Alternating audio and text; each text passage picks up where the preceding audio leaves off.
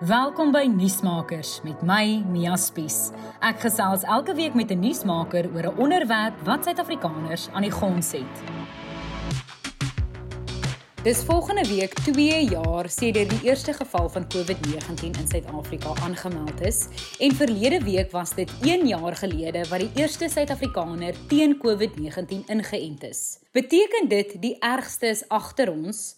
Is 2022 die jaar wat COVID endemies word? Wat as daar 'n nuwe, meer dodelike variant kop uitsteek en hoe lyk 'n post-pandemiese wêreld? Dit is vrae waaroor ek wonder. Vir antwoorde sluit dokter Jantjie Taljaard, die hoof van infeksiesiektes van die Tygerberg Hospitaal by my aan. Dokter Taljaard, COVID-19 is nou al 2 jaar in ons midde. Die meeste van die inperkingsmaatreëls is nou al opgehef.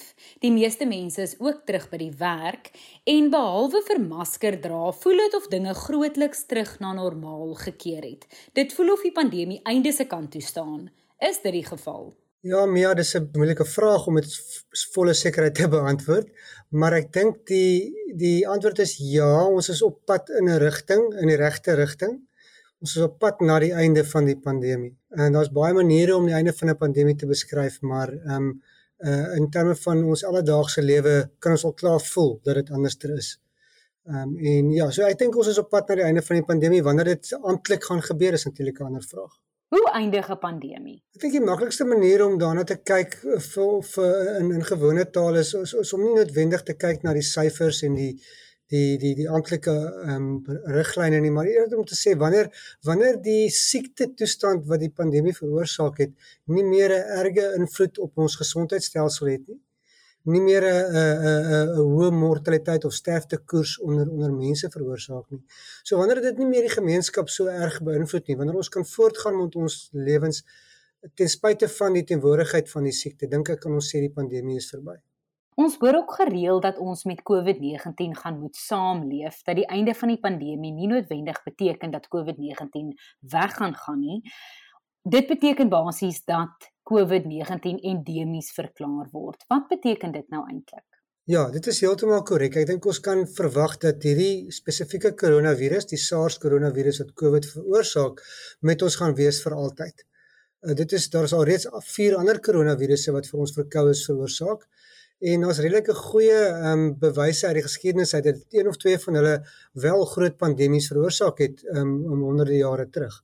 Dis presies dieselfde situasie waarin ons nou ook is dat die die virus gaan met ons wees, maar dit gaan waarskynlik minder ernstig raak en ehm um, ons gaan daarmee kan saamlewe. Beteken dat dit amper soos griep gaan wees. Met ander woorde, dit gaan nog steeds dodelik wees vir sekere mense, maar die groter meerderheid van mense gaan dit nie so erg beleef nie.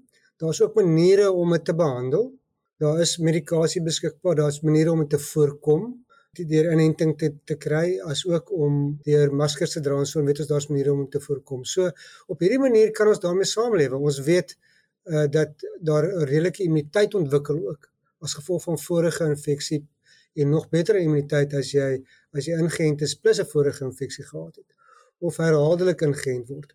Kan dit 'n seisonale siekte word en beteken dit dat ons jaarliks hierdie inenting gaan moet kry soos byvoorbeeld jou griepinenting? Ja, die verwagting is as ek nou so lees uh, wat die wat die experts ehm um, sê internasionaal is dat die verwagting is dat dit seisoonaal gaan word. Met ander woorde, omdat dit 'n respiratoriese siekte is, meer in die winter gaan voorkom waar mense nader mekaar lewe, ehm um, meer ander verkoues kry, meer hoes, al daai tipe dinge wat wat bydra tot oordrag van siektes waar ons uh, in in geboue saamdrom waar daar swak ventilasie is, dan versprei dit makliker dit kan natuurlik net in die winter voorkom nie, anders dan gaan dit uitsterf in die somer en dan is dit weg. So mense moet weet enige siekte wat wat seisoonaal is, kom eintlik maar ook voor buite die seisoen. Net net 'n baie laer vlak van voorkoms.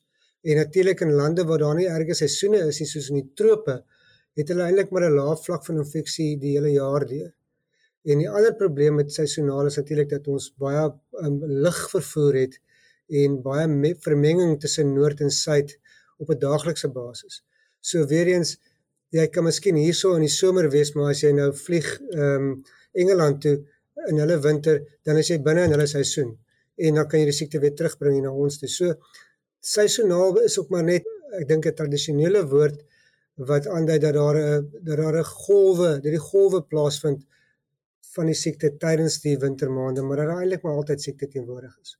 Baie mense voel hulle het nou hulle twee inentings en dalk nog hulle booster inenting ook. Dit beteken nie noodwendig hulle is klaar ingeënt nie. Gaan ons moet aanhou inent soos 'n griepinenting? Ja, ek dink die verwagting is dat soos ons nou gaan ehm um, die inentingsstowwe vinniger kan aanpas vir nuwe variante, gaan hulle probeer om die inentingsstof soos met griep altyd so na as moontlik te kry aan die variant wat teenwoordig is. Sodat dan wanneer jy veral as jy 'n hoë risiko persoon is eh, wat baie maklik baie siek kan word as gevolg van COVID, dan eerder elke jaar jou inenting kry wat so na as moontlik is aan die variant wat of dan verwag kan word of teenwoordig is in daai jaar. Dan dokters het gepraat van inentings. Meer as 30 miljoen Suid-Afrikaners is nou al ingeënt, maar daar is nog baie skeptisisme oor inentings in Suid-Afrika. Baie vrae Hoekom dink jy is dit die geval? En is enige van hierdie skeptisisme en die vrae wat die hele tyd geopper word, is dit ongegrond? Dis 'n 'n moeilike ehm um, vraag want dit is nie regtig 'n mediese vraag nie. Ek dink dit is 'n mediese vraag nie, dis 'n wetenskaplike vraag, wel nie in my wetenskap nie, dis miskien meer 'n geesteswetenskaplike vraag wat 'n mens kan ehm um, oor sosiologie miskien gaan kyk na hoekom besluit mense sekere dinge en waarom maak hulle sekere besluite. Maar ek dink tog uit 'n menslike oogpunt is dit nie totaal ongegrond nie. Mense is bang vir vir dinge wat hulle nie ken nie. Mense is bang vir goed wat hulle nie verstaan nie. En ehm um, uh dan kan jy seker verstaan dat mense sekerlik sekere besluite neem. Wat ek nie altyd kan verstaan nie is dat die die die daar's twee kante van 'n saak en hoekom mense altyd die die ander kant miskien sal kies wat wat geen ehm um, uit die wetenskaplike oogpunt geen bestaansreg eintlik het nie. En mens moet ook kyk na hoe dit ontwikkel het oor tyd. Uh aan die begin van die COVID en, en pandemie was daar baie onsekerhede geweest die enstof was nog nie heeltemal ehm um, ehm um, gereguleer nie, nog nog nie heeltemal geregistreer nie. Ehm um, dit was op 'n op 'n noodbasis geregistreer wat wat eintlik net tydelike registrasie is. En baie mense het gesê nee, ons gaan nie 'n ding aanvaar wat wat wat nog nie genoeg data het in terme van veiligheid nie. Wat nog nie deur genoeg stappe gegaan het nie. Maar nou uh, is daai dinge al reeds dit het nou alles gebeur. Dit is nou 2 jaar later. En ons oorweldigende wetenskaplike bewyse dat dit wel 'n mens beskerm van ernstige siekte en van om dood te gaan van COVID-19 'n baie sterk beskerming het. Selfs die die die die instoor wat nie so effektief is teen Omicron nie, het nog steeds 'n beskermende effek op op hospitalisasie en dood as gevolg van Omicron. So ek dink regtig die wetenskaplike bewyse is baie sterk. So aanvanklik ja, daar was 'n uh, huiwerigheid vir inenting meer verstaanbaar dink ek uit my oogpunt uit as nou.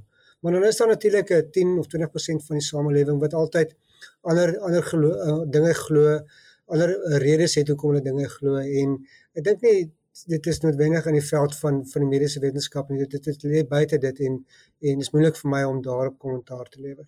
Dokter net op daai noot wat baie mense sê is of hulle is bekommer dat hierdie enstof so vinnig ontwikkel is in vergelyking met ander siektes maar dit is ook gegrond op vorige navorsing. Kan jy net dalk vir ons 'n antwoord gee oor die kommer oor die enstof glo te vinnig ontwikkel is? Ja, dit is dis dis eintlik dit is eintlik nie 'n bekommernis vir my nie, dis my wonderlik dat dit so vinnig ontwikkel is. En daar's verskeie redes hoekom hoekom dit reg gekry is deur die deur die internasionale uh ehm um, enstofontwikkelingsgemeenskap en nie net hulle nie dis befondsings is dis ehm um, regerings wat wat geld gegee het. So daar's nommer 1 uh, natuurlik baie meer omdat dit 'n pandemie is, baie meer motivering gewees vir almal om om 'n instof te ontwikkel. Dis nie asof dit 'n Ebola uitbraak is in die middel van Afrika en die res van die wêreld ehm um, word nie geaffekteer nie. So daar's nie regtig iemand wat wil geld gee hiervoor nie. Dit's 'n klein groepie mense eers in Afrika wat geaffekteer is. Ehm um, daar's nie regtig 'n rede hoekom hoekom daar enige haas is vir die ontwikkeling van 'n enstof nie. So daar's daar daar daar's samewerking gewees oor verskeie vlakke. Daar was geld gewees. En dan tweedens daar's nuwe tegnologie. Die mRNA tegnologie is 'n totale nuwe tegnologie. Nie totaal nie, nie, maar dis dis 'n nuwe tegnologie wat nog nie op groot skaal ehm um, getoets is nie. Ehm um, en dit die die tegnologie maak dit moontlik om 'n enstof in die laboratorium te ontwikkel. Uh sonder om uh die die die lewendige virus te vat om eers dood te maak of half dood te maak en om te toets op mense seker te maak hy is nie te sterk en te swak nie. Ehm um, dit is die dit is die dit is die enstof tegnologie wat ons tot nou toe op 'n groot skaal gebruik het. En dit het baie lank gevat om seker te maak dat jy nou presies die die virus swak genoeg het, nie sterk genoeg nie, om nie siekte veroorsaak nie en so aan. En nou het ons die die vermoë om net die deeltjie uit die uit die virus uit te haal, dit te fabriseer in 'n laboratorium, die die, die proteïene bymekaar te sit en vir die liggaam te sê kyk hierdie proteïen lyk soos die virus. Dis glad nie die virus nie, maar ons het hom gemaak dat hy so lyk en immuunstelsel sal dit dan so reageer. So ek dink die tegnologie was ook ongelooflik tydig geweest. Het ons reeds daar's reeds voorbeelde van hoe die tegnologie gebruik is. So daai tegnologie was reeds in dit is nie onmiddellik ontwikkel nie. Dit is reeds daar geweest dit dit is ook gebruik onder andere vir die Ebola virus ehm um, ehm um, uh en stof. So uh dit is daar gewees en dit is baie tydig gewees. So die nuwe tegnologie het ook gehelp. En uh, en ek dink die feit dat dit dat dat dat die wêreldgesondheidsorganisasie ook so nou betrokke was by die koördinering van van van um, en stofontwikkeling het ook grootliks bygedra dat alle regerings ingekoop het daarin en en bygedra het tot die wetenskap.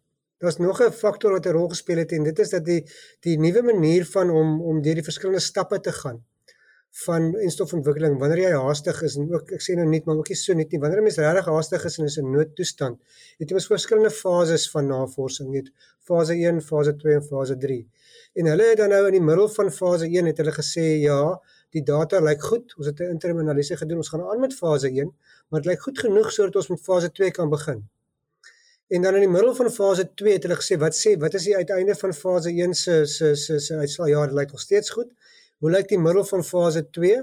Dit lyk ook goed. Kom ons gaan oor na fase 3 toe in die middel van fase 2. En dan het hulle weer in die middel van fase 3 gesê, kom ons gaan terug na fase 2 toe. Die eind die eindproduk van fase 2 was goed. Uh hoe lyk die middel van fase 3? So hulle het regtig die proses gekondenseer.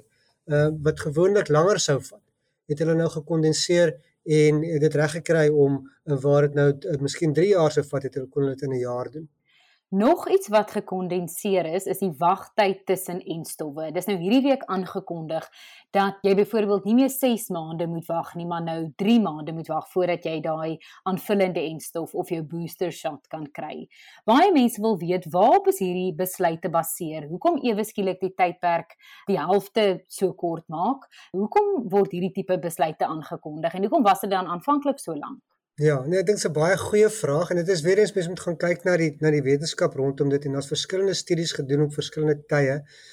En dis 'n een ding, so met daar's daar's 'n ryk wyte waarin mense hierdie enstowwe kan gebruik. Ons moet onthou die die die die wetenskap rondom die COVID vaksin is nog steeds besig om te ontwikkel. Ons gaan miskien oor 5 jaar gaan vir ons sê nee, maar jy hoef net een keer 'n jaar te kry of jy moet miskien elke 3 maande kry wat ook al ons weet nog nie. Maar die die die, die inligting wat beskikbaar was uh het gesê daar's 'n rykwyte. Enigiets tussen 3 en 6 maande, dan kom dit uit ja, maar miskien moet ons 'n bietjie langer wag, want as 'n studie wat gewys het dat dit is 'n bietjie langer wag is, is dit eintlik beter. En dan is daar weer 'n studie wat sê nee, 'n bietjie korter. So die wetenskap gooi al daai goed bymekaar en dan moet dit nou uitgerol word op 'n op 'n openbare gesondheidsvlak wat natuurlik 'n klomp ander kompleksiteite uh, in uh, inbring. Met ander woorde, het ons genoeg en stowwe vir almal ons moet nou begin met net die mense wat hoë risiko is en dan moet ons gaan na die die ander mense toe en dan na kinders toe en so aan. Het ons genoeg enstowwe? Dis een ding. Het ons genoeg geld om so baie enstowwe te koop? Hoe wat is die vervaldatum van hierdie enstowwe? Kan ons lank genoeg wag? Wat gaan die opvang wees van hierdie? Is gaan ons genoeg mense kry om alles wat ons gekoop het te gebruik?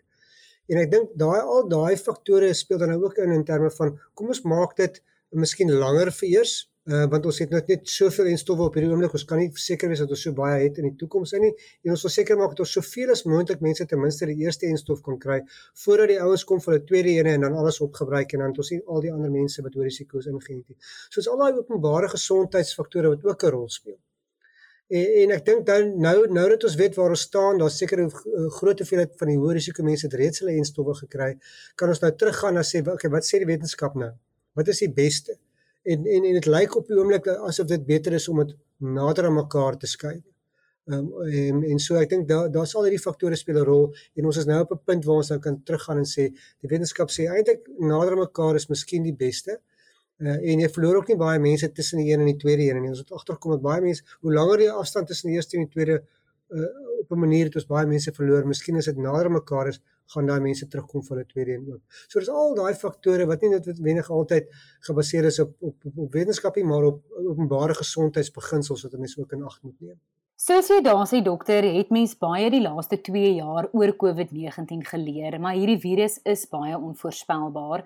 Soos die Wêreldgesondheidsorganisasie sê, dis gevaarlik om aan te neem dat Omicron die laaste variant is.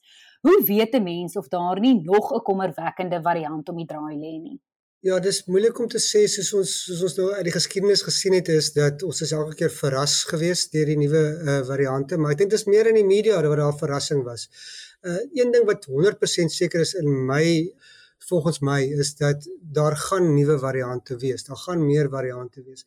Dit is wat die virus doen wat meeste virusse doen veral as hulle so RNA virusse soos die is dat hulle verander want hulle maak foute in hulle eie um, um, soos hulle vermenigvuldig van daai foute plaas en sommige van daai foute veroorsaak dat die virus makliker kan doodgaan wat swakker virusse is en sommige van hulle maak die virus sterker en maak hom meer gevaarlik. En dit is 'n gegewe dit gaan gebeur.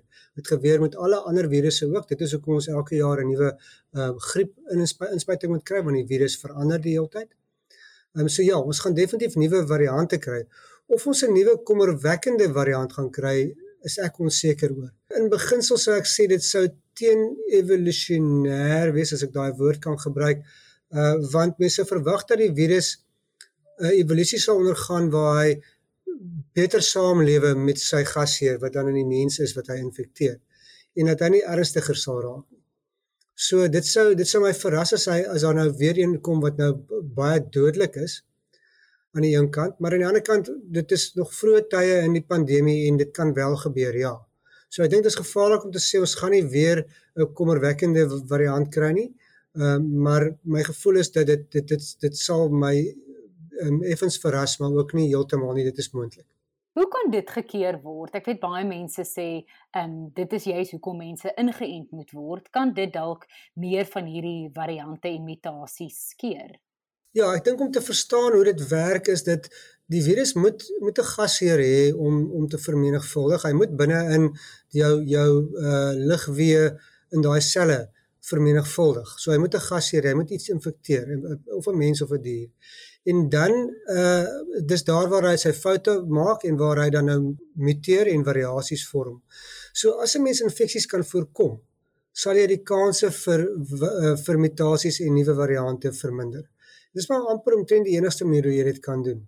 En dan dokter, baie van die die meeste inperkingsregulasies is nou al opgehef. Dink jy dit is nou tyd dat mense terugkeer na normaal en nou leer om met hierdie virus saam te leef en is dit nog belangrik om 'n masker te dra byvoorbeeld? Ja, ek dink definitief ons moet geleidelik teruggaan na normaal toe. Daar's daar's verskillende normale sintelike moeilike konsep, maar ons moet in ag neem dat dit is nog steeds teenwoordig. Daar's nog baie mense wat daagliks um, infeksie kry. Daar's daar's mense wat doodgaan nog steeds. Ehm um, so ek dink mense moet dit geleidelik doen en ek dink ons doen dit ook dan nou so redelik geleidelik. Uh die die die maskers dink ek is nog steeds nodig in areas waar jy uh saamdrom in in in in in areas waar daar swak ventilasie is uh waar mense baie noue kontak met mekaar het is nog steeds natuurlik baie nodig vir gesondheidswerkers wat met pasiënte werk wat of infeksie by hulle kan kry of by wie hulle kan infeksie kry. Ons weet dat so baie mense met Omicron veral uh, het asymptomatiese infeksie. Maar dit beteken nie dat as jy dit vir 'n ander persoon gee dat daai persoon ook asymptomatiese infeksie gaan kry nie dit kan 'n hoë risiko persoon wees eh, wat baie siek gaan word van as gevolg daarvan. So ek dink ons moet nog steeds daarom uh, logies bly redeneer daaroor eerder as om net te sê ag liewe land ek wil teruggaan na normaal toe. Ek dink ons almal wil teruggaan na normaal toe, maar daar is tog 'n hier en daar areas waar mens moet sê miskien is daar tog 'n nuwe normaal in sekere omstandighede vir die kort tot medium termyn. Tot ons weet waar ons staan met al die verskillende um uh, dinge wat ons nog nie heeltemal verstaan nie. Dokter, daar's baie fopnuus oor COVID-19. Wat is een ding wat jy wil hê mense moet weet en wat hulle van hierdie potsetting met huis toe vat? Ek dink die die een ding wat wat wat sekerlik uh, belangrik is is om te weet dat dat COVID-19 is 'n dodelike siekte en is nog steeds 'n dodelike siekte. Uh dit is ek dink belangrik. Die tweede ding is ek dink ons is waarskynlik oor die pandemie en ons moet nou leer hoe om saam met hierdie dodelike siekte saam te lewe uh soos wat ons met griep saamlewe. Dokter, dan wil ek net vinnig weet, al die jare wat jy studeer het, gespesialiseer het, gepraktiseer het, het jy ooit so ietsie um kon indink uh, dat so ietsie mense sou tref in hierdie bedryf? Nee, ek het ek, ek in glad nie dit, dit ooit gedink nie. Ek het selfs in in Desember 2019 gesê maar dit, dit is nou seker maar weer net 'n siekte wat wat daar in China gaan wees en nooit verder gaan nie en um, dit dit het ons regtig hard getref. Ons was daarom reg geweest vir die vir die eerste fase en daar's fisiek baie uh, beskikbare hulpbronne van die Wêreldgesondheidsorganisasie hoe jy hoe om jou voor te berei vir 'n pandemie. En ons het baie van daai riglyne gevolg aanvanklik. So ja, maar ek sê dit nooit kon indink in my wildste drome of wildste nagmerries nie.